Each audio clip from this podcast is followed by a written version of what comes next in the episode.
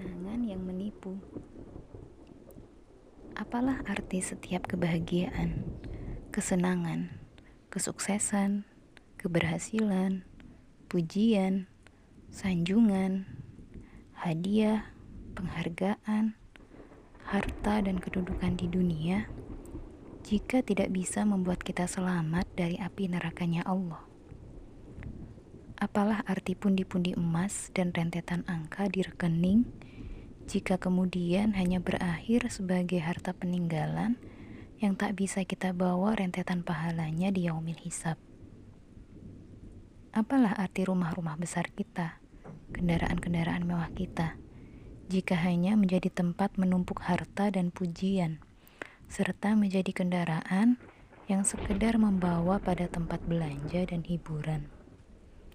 Tidak ada yang melarang kita memiliki semua itu dunia ini tidak terlarang. Namun, jika karena dunia membuat kita jadi terlarang, terlarang masuk ke surga, apalah arti kebahagiaan yang kita rasakan selama di dunia ini?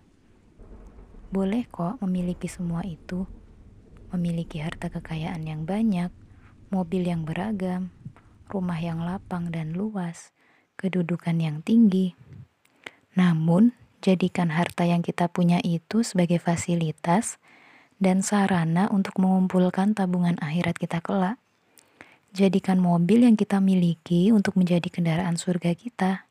Jadikan rumah yang kita tinggali sebagai pondasi rumah di surga kelak.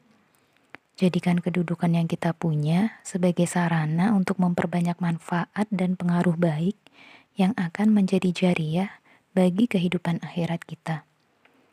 Sekali lagi, untuk apa segala kenikmatan di dunia jika tidak bisa membuat kita selamat dari pedihnya neraka Allah?